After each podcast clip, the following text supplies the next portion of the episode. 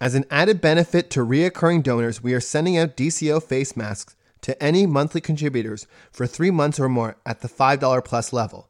Please send your size preference, either large or youth or small size, along with membership email and mailing address to info at dcontario.org. And you can check out what they look like in the show notes. This podcast was specifically created for Distress and Crisis Ontario organizations and their volunteer responders to provide training and educational assistance on a variety of topics. As information evolves and changes, these podcasts are meant to offer ongoing support with the goal of updating them on an ongoing basis. We thank the volunteer responders and the contributors to this podcast. Please visit our website, dcontario.org, for more information and how to access free mental health services. Thank you.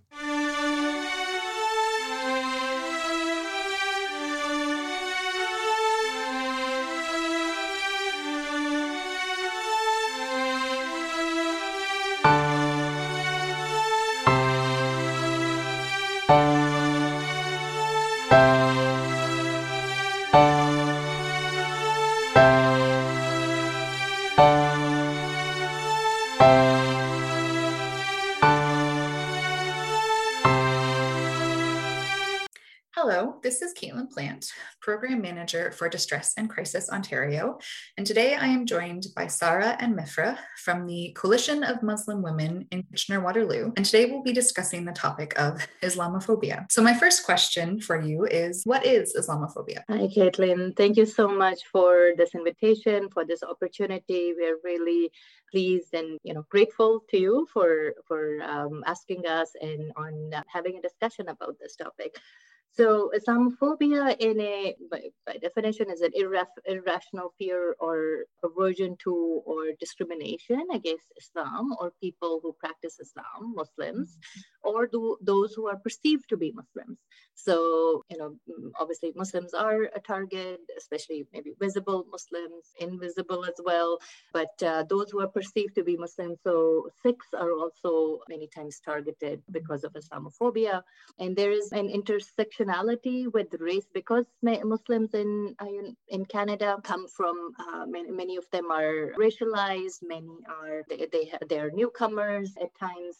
So there is an element of racism and xenophobia that that is really that there's inter- intersectionality in that regard. Mm-hmm. Thank you for explaining that for us. I, my next question is How do you experience this in your own lives? I think we experience this in there's a whole spectrum of experiences from the more milder versions of you know the snide remark for example an assumption that you will be you know you're dangerous or some mm-hmm. microaggressions to full out violent attacks so there's a whole spectrum. So questions like, oh, do you have any terrorist ideologies? Which is not an innocent question. It's like no. a very, very offensive question. And we get asked that a lot. Our kids get asked that in, in school, you know, when they're playing video games, often you see that the bad guys are dressed visibly like Muslim men. And then some some kid may say, Oh, your brothers are here mm. to a hmm. Muslim kid. And it's very, very harmful. Things are said in jokes sometimes, but they have a huge impact of, you know, alienation and, you know, other othering the, the individual in front of you. And it's very hurtful. So from that to getting your hijab being ripped off or being shoved or just pushed, you know, or have the escalator doors closed on you when you were just about to enter. So those sort of things, you know, so it's the whole range from microaggressions to violence. I think most Muslims have had some experience with the other facing that. Mm-hmm. And I'd be yeah. lying if I'd say anybody's immune. Any Muslim would say, I've at least had at least some experience with. Mm-hmm. Yeah, I can share my experience. I was uh, at local swimming community swimming pool, um, ready to enter the pool, and this uh, this one lady who started shouting from the other end of the pool if I've showered. So I was wearing, you know, uh, um, sort of full sleeve suit, and and the pants were longer. Um, and you know definitely it was very visible my identity was really visible and you know she started just making such a such a ruckus about you know have you showered you people? Where mm-hmm. you know you don't you don't do that. And so you know just those kind of uh, those kind of you know instances they they definitely happen you know for some more visible muslim women there's this gendered aspect to Islamophobia where Muslim women are targeted more because because many times we are um, more visible. Those who are covering and those who are wearing the scarf are more visible Muslim. And, and then on top of that, obviously, there's racialization, there's the intersectionality of um, you know xenophobia for Black uh, Muslim sisters. For them, there is uh, another layer of um, anti-Black racism as well. But yeah, you know these experiences, um, if I'm saying they they are pretty common, and every everyone in, in our circle, you know, has had uh, some experience or the other. And then, you know, we experience it in mainstream media, you know, the way news is constructed, is portrayed, the, the narrative that is, you know, the images that are portrayed, the the aspects that are that that are focused on. So there was one story where uh, you know Globe and there was there was one sort of research article that compared the coverage of Globe and Mail where there was uh, the, the day after like two major events. So it was um, a Quebec mosque shooting that happened in 2017.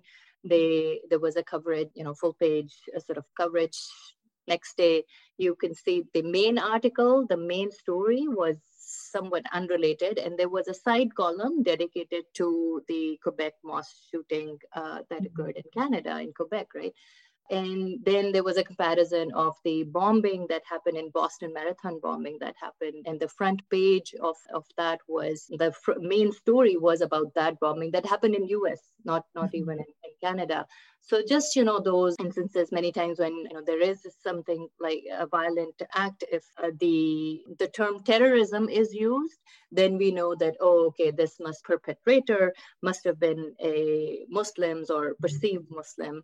If uh, a violence, same violence, gun violence, or any kind of other violence is portrayed in the media, and if the word terrorism is not used, then you know we heave a sigh of relief that okay this I mean obviously violence is violence and it's you know so tragic but you know those then but we know that this is not this, this is not the perpetrator wasn't a muslim. So these you know aspects of media are definitely seen every day in popular culture. Obviously, you have lots of movies, you know, Dark Zero Dark 30 is coming to my mind. There's so many movies that portray, you know, those stereotypical bad guy Arab and with the accent, with the with the clothing, those those that is conveyed. In books, you have like it's a very popular genre where, you know, the story about the oppressed Muslim woman is there, and then the you know violent Muslim man is is there, and the story is around around that sort of main theme.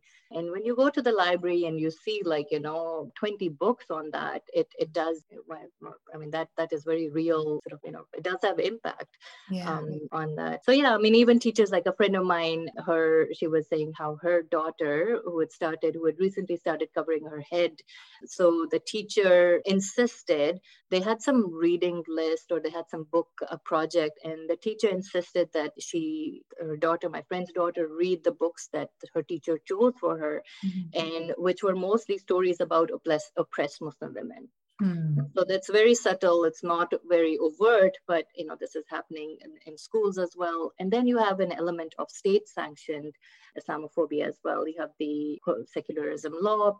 Previously, it was bill that is a law for the past two years. We have this law in Quebec City, which you know, uh, targets marginalized community. Unfortunately, I mean, it does target Muslim women because they've been trying to do this for 10 years. And this is the history that CMW has uh, with, that, that was the genesis of CM, uh, Coalition Muslim Women.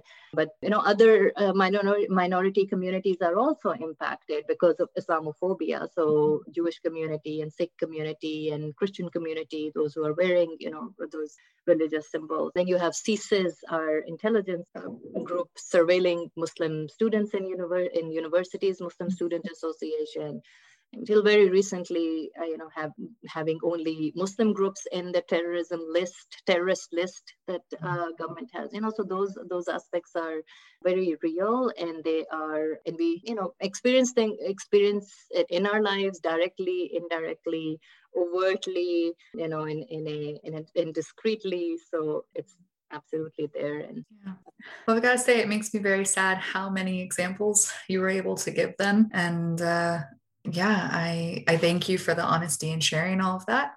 And my next question is what the impact of all of those things are on you because obviously there has to be an impact, especially the examples that you gave about your children. Yeah, so what what are you able to share yeah. with us about that? Just with children, I think you know there's uh, obviously a sense of alienation, there's low self-esteem, you know, the sense of identity is is impacted they're uh, you know they're not proud of who they, want to hide who they what they where they come from and their mm-hmm. language and you know all that of their culture and their faith and so and and then they internalize it. I think that's really insidious that you know this narrative islamophobia narrative is so powerful um, and it's there's you know so much in our mainstream media and conversations and again movies and the movies that they watch the videos that video games that they play that they Im- that they internalize those those images and they think that even though you know they're seeing they're watching they're living with muslims around them uh, but you know the power of culture is so strong that in their minds they internalize that this is who we are you know we mm-hmm. yes we are there is terrorism we are violent we are you know barbaric we are all that so so that internalization especially by youth uh, by by probably other muslims too but but especially for youth that is that's a very serious mm-hmm. concern and very troubling. Mm-hmm. And kids are watching and they're listening. Like uh, just two months ago, it was the festival of Eid. There was someone who came to my house and they saw all the decorations going up and they asked, What is Eid? And, you know, I kind of explained it to them. My kids are listening in. And the next question, this person snapped back, Oh, but then what do you think about Osama bin Laden? Hmm. And I was, I just froze in my tracks. And like my kids are watching, my kids are listening. And here's a moment of celebration. We're putting up balloons, making mm-hmm. desserts, you know, we're doing the decor. And I tried to be as not triggered as possible because I knew I was setting an example for my kids. And I and I said, okay, how does that connect with this? And of course, we denounce uh, violence of any form, and and there are violent people in every community. Mm-hmm. And you know, and she kept on, she doubled down and saying, no, but then what about what does your Quran say? It's like, what does the KKK do? They use mm-hmm. religion as um, you know, as a stick to justify whatever they want to. But why are you singling me out for this? Mm-hmm. And, and the kids are watching, they're listening. And just Sarah mentioned about media as well. It's not, we're talking about the Quebec mass shooting, but we know about the London attacks. If you see the headlines immediately after the attack, it was most had the narrative of car rammed into a family. Mm-hmm. Car, as if the car had its own agency. Mm-hmm. So when it's a Muslim perpetrator, there's a whole, you know, focus on his race, on his appearance, on his intentions. But when you know the tables are turned, when the Muslims are the victims, somehow a car just skids out of the street and hits mm-hmm. a Muslim family. The you know the first narrative was like nobody talked about how it was intentional. That the, the the killer didn't even know the family. He was actually on a hunt for mm-hmm. Muslim looking people and just you know rammed into them. So th- those narratives matter. And even even Sarah talked about pop culture. Like I keep telling my kids when Aladdin, the movie that I grew up, all the good guys had American accents. The one bad guy, all was supposed to be Muslim, the one bad guy, Jafar, had a very, very immigrant accent. Mm. Those things are internalized. And somehow you think, okay, anyone with an internal, uh, with an immigrant accent is dangerous, is evil, is scary. You must, he must be excluded. Mm-hmm. So for people, this thing, oh, it's just art. It's just art. But art has an impact, especially if you're a minority, marginalized group. Mm-hmm. Um, so and it leads to things like low self-esteem we know so many victims uh, of hate who won't come forward because they're so embarrassed. They think somehow they deserved it. Hmm. that maybe we, we invited that kind of hostility by looking a particular way or dressing a particular way. And then you have these muslim girls asking is it safe for me to wear the hijab and go out? They want to wear it but then my, my daughter does it she's been asked really really mockingly uh, do you shower in that? Hmm. and and my, you know uh, i was like does he shower in his clothes? Yeah you know um, but then it happens and it the kids are listening they're watching they're internalizing and they are being impacted in, in more ways and it's not just the kids it's not just kids i mean adults get triggered as well mm-hmm. i know i do mm-hmm. yeah. and then uh, if i could add you know there's uh, then really tangible aspects of islamophobia as well and the impact that it has so uh, you know lost of many opportunities so in terms of financial opportunities you know to professional advancement opportunities or you know employment opportunities because of discrimination. There is um, you know housing you know so many times and we hear this all the time.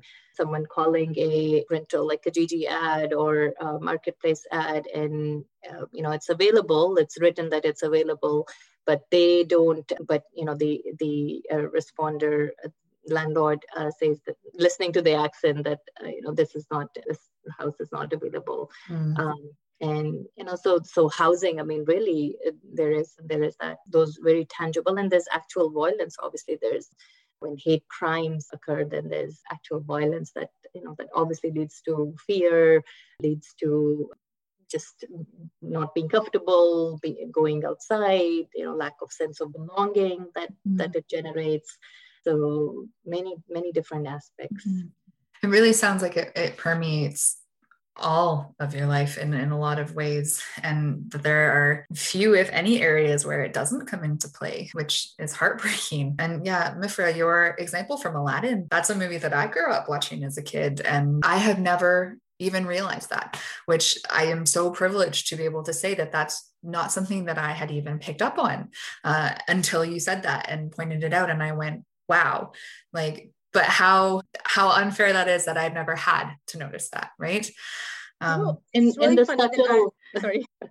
and the subtle sort of uh, messaging right? This, this mm-hmm. isn't uh, overt messaging. This this is the subtle messaging that that, that these um, connections are made implicitly not explicitly. Mm-hmm. yeah. you know when does it become overt? That when i came to canada i was an esl teacher. I did my TESOL canada i did my TESOL ontario and when I was in one of the teaching practicum, one person told me, You'll never get a job here. You don't sound Canadian. Hmm. Um, and if you want to really get a job, work on your accent. And I think I mean this with all good intentions. That if someone wants to learn English, they'll want to listen, learn it from you know a, a Canadian. So mm-hmm. you know it, it, looks very innocent when it's in a movie, yeah. but when you're um, you, I had all the qualifications, but I was still being told. Mm-hmm. Uh, I had mm-hmm. like ten years of experience behind me, but I was being told that I don't. I need to sound a particular way. Like I didn't have to be the Jafar. I had to be like Jasmine. Mm-hmm. yeah. yeah, I um, yeah, I can't. Uh, yeah thank you for sharing that again I, I feel like that's one of those things yeah that there's going to be a lot of people like me who hear you say these things and, and feel are very privileged to have never had to notice that before. Um, so you've given us some ways to recognize how it's happening around us and, and new ways to recognize these things. So what can we do about it when we see or experience these subtle and not so subtle experiences of islamophobia? I would say learn. Mm. listen watch and read narratives by Muslims, by authentic Muslim voices. Too long and too many times we've had other people tell their our stories and it's always skewed. They don't really represent our experiences. And those experiences, when they come through that lens of an other person, an outsider, it's never authentic. It's hardly ever true. And it builds on those stereotypes, which are very dangerous, which look very innocent when they come in pop culture, but they, their impacts are very dangerous when, you know, when they're lived in day-to-day lives. Mm-hmm. Listen to the stories, and there are a lot of stories which are which can be Canadian and Muslim. Uh, a lot of people think they're mutually exclusive identities. They're mm-hmm. not. Like I know my kids who sometimes they say, "Oh, mom, there's a Canadian who came to our door." It's like, "What do you mean the Canadian?" Like you know, because he was white. I was like, you can be Canadian and Muslim and brown, and you don't have to pick and choose any one of them. Mm-hmm. Uh, you know, you can be as Canadian as the next door neighbor. So, you know, that dichotomy has to be addressed. Mm-hmm. There are so many great Canadian Muslim writers and uh, musicians and artists and journalists, and they have amazing stories to tell and they're great at their job. Don't give them the credit because they are the token, you know, Muslim candidate that you must, you know, check off your box. Mm. They're doing great work in their fields, irrespective. They're great journalists. They're not just great Muslim journalists, they're just great journalists, for example. Mm. So listen, watch, read, read those narratives. That's the best way to learn, actually. Mm-hmm. Interact with uh, Muslims, you know, not in some exotic setting, in which you're invited to these ethnic nights and all, but maybe your coworker, maybe your neighbor, maybe your kid's classmate or their parents. It could be you you could be a teacher and you could just learn about your students. Just interact with them, listen to what their experiences are. And you'll most often find that they're not very different from the mainstream Canadian experience. Mm-hmm. What are personal beliefs are personal beliefs, but other than that, the cultural experiences are very similar. So this otherness has to be addressed. Mm-hmm. Muslims here are not the other. They're not foreigners. They're not, they belong here as much as anybody else. and they're contributing as Canadians. Mm-hmm. So that perspective is very important. Mm-hmm. Yeah. yeah um, and excellent um, points by Mifra. I'll uh, just add that, uh, you know, when we uh, when there is a comment or you see, read a story about um, you know Muslims and you know there is a feeling negative feeling generated by it or any story I think to in in how we counter Islamophobia is probably the same as we counter you know anti-black racism or you know any anti-Semitic sort of issues to apply uh, that comment or that action to your own group or another group. So if there's a story about Muslims, then the way then how would that story, the way that story is being presented, how would that apply to maybe uh, you know an LGBTQ group?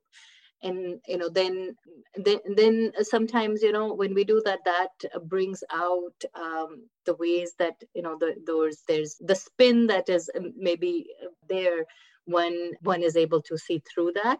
Mm-hmm. so that may be one way. And we can you know definitely use many strategies and we need to use so many strategies to counter this. You have advocacy obviously you know for for example bill 21 and the secularism law that is there. I mean it's really harmful to muslim women you know muslim women in the niqab they can't access who are, who are covering their face, they can't access uh, public services. Mm-hmm. So they can't go to the hospital for their health. I mean, this is happening in Canada. And people have uh, had to take refuge in, um, you know, they're refugees, like they're internally displaced people from Quebec. They had to leave Quebec and uh, move to other provinces. So certainly there's advocacy at the, you know, obviously political level, at every political level, you know, federal, provincial, municipal. There's uh, obviously advocacy, you know, for maybe private companies and organizations. There are trainings that one can, one can uh, anti-Islamophobia trainings. We offer it here uh, at CMW, but other organizations also offer it. So arranging trainings, really being you know that person who is an ally in finding ways in your circle of influence be be it anywhere. If you're a manager if you're a supervisor if you're a uh, you know executive or you know you're a staff person in in our circle of influence how do we uh, you know bring break, break the cycle and mm-hmm. bring change? We can you know uh, promote counter narratives like mifra was mentioning. Uh, we can have many bridge building activities with with the muslims and the larger community um, reporting is really important. You know, if there is discrimination, if there is uh, racism happening, Islamophobia happening, then uh, it's really important to report it, to document it, so that we know where is it happening, what is it happening. And actually, at locally here in Waterloo region, we have a reporting tool for us to document racism, Islamophobia, xenophobia, and it's called reportinghate.com. And maybe we can. So, so yeah, those are some of the ways that we can mm-hmm. do something about about it. Yeah. So I think in that answer, you did give us some ways that non-muslim persons specifically can gain some cultural intelligence i think your yeah examples of just listening and learning and learning from just everyday people and those experts in the field are excellent is there any other suggestions that you would have for how we can kind of challenge our own values that we maybe have and we maybe don't even realize that we have uh, in order to improve our understanding i think question, a lot of people get lost in the definitions. What is Islamophobia? What is racism? You know, why don't we just all think what is harm? Mm. You know, harm of any kind is bad. But don't categorize it. Think of if I said this uh, comment or if I did this action, would it harm somebody at some level? Mm. If the answer is yes, just don't say it. Just don't do it. And I understand that there's genuine curiosity at sometimes. And the CMW, for example, recognizes that so many of our programs um, address that. And we want to answer questions, but there's always this element of what is my intention mm-hmm. do i am i asking this question because i just want to vilify somebody or just show them their place or mm-hmm. I genuinely want to listen or learn. Mm-hmm. We know we have many programs like Race Circles. A Race Circles program invites controversial questions, but with civility. We mm-hmm. know that people have questions. They don't want to be labeled as Islamophobe or racist, but they have these genuine questions. And we have a space designated for those discussions. We have tea and tales, which is less confrontational. It's just calling people from the non-Muslim community to come down and share some traditional tea and snacks with real Muslim women and listen to their authentic experiences. Mm-hmm. We have collaborations with so many public uh, um, institutions like the libraries and the museums. Like we have, we celebrate Islamic History Month. We have so much programming there. We have art exhibitions for Islamic art. We have, you know, Eid al-Adha program, Ramadan events with the libraries and stuff. And I'm saying this is in the Waterloo region alone. Mm-hmm. If you, if anybody looks deeper, they will find a lot of ways to, you know, experience these, to learn in their own communities. Just being an ally doesn't mean just you know doing a hashtag on social media.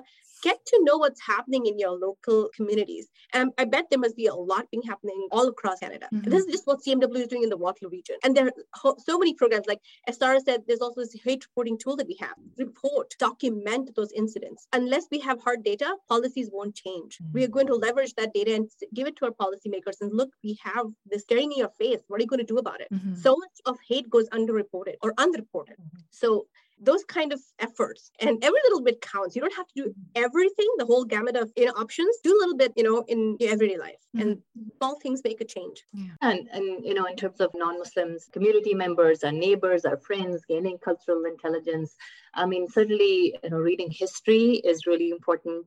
Just history of colonization, not just in Canada but around the world. Uh, that's really important. You know, just reading about globalization and you know how West. It's we call it globalization as if other cultures and everyone is contributing and there is a global sort of value system that is that is there and that is forming by everyone's contribution. But really no it is it is a very western sort of the system and hegemonic as well you know our influence. And i'm a western um, I, I am western i am in the west so I, I that is part of my identity.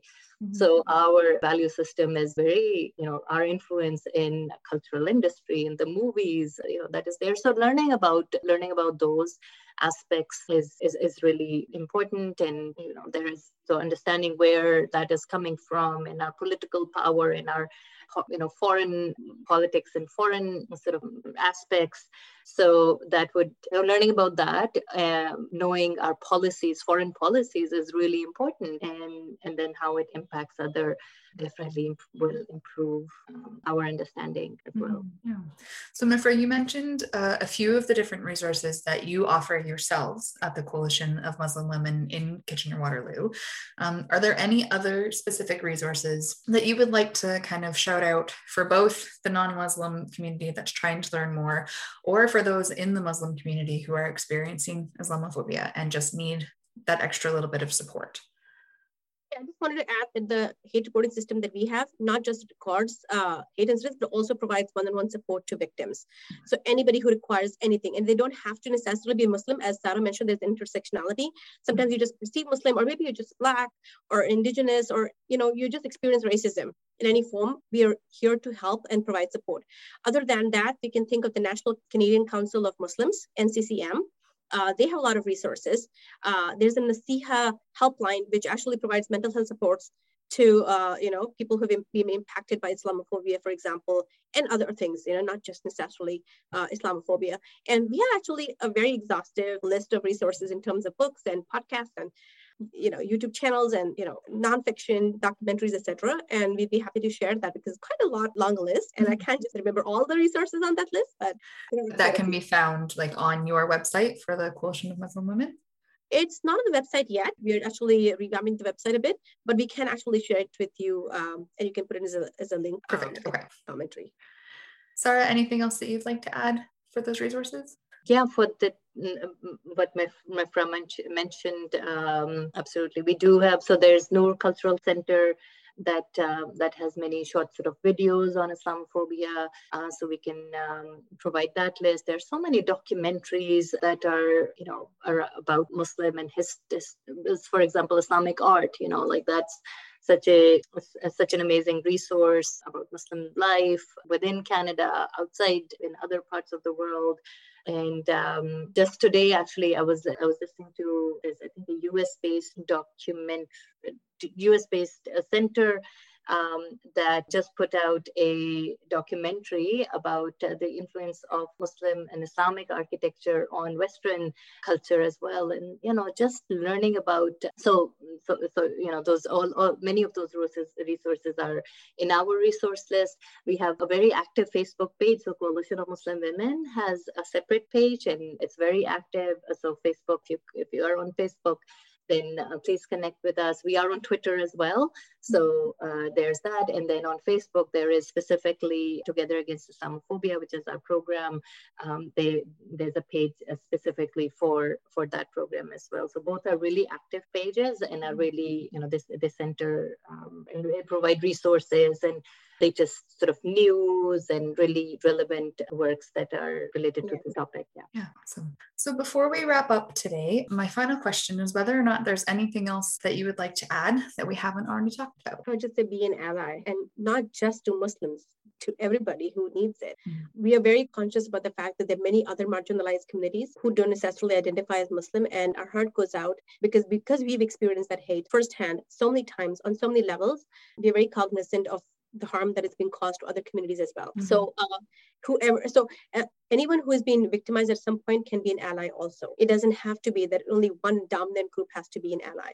So we can be allies to somebody else, like Muslims can be allies to somebody else, and others can be allies to Muslims. We just need that circle of allyship to just continue. Mm-hmm as I said, don't be so obsessed or focused on what kind of hate is this? What kind of harm is it? Harm is harm. Violence is violence. Hurt is hurt just focus on that and i believe we can build a better society with just with that mm-hmm. principle yeah i mean you know this conversation is definitely very brief and you know we could go we have a seven hour long training that we do so there's a, definitely a lot uh, that we can discuss and you know but I think we've, we've covered quite quite quite the basics. And yeah hopefully this will be this will be a start of conversation. And you know we are happy we are here as a resource.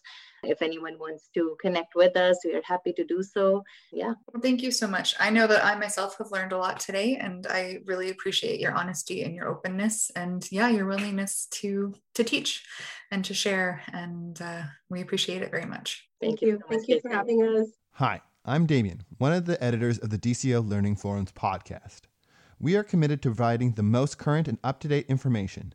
With your help, we can make it better. Please consider going to tips.pinecast.com slash jar slash distress dash and dash crisis dash ontario.com or by clicking the link in the show notes. And by donating, Monthly contributors will be able to access a special podcast feed. In it, we'll have additional content and some more in depth pieces on some of our most popular topics. Thank you.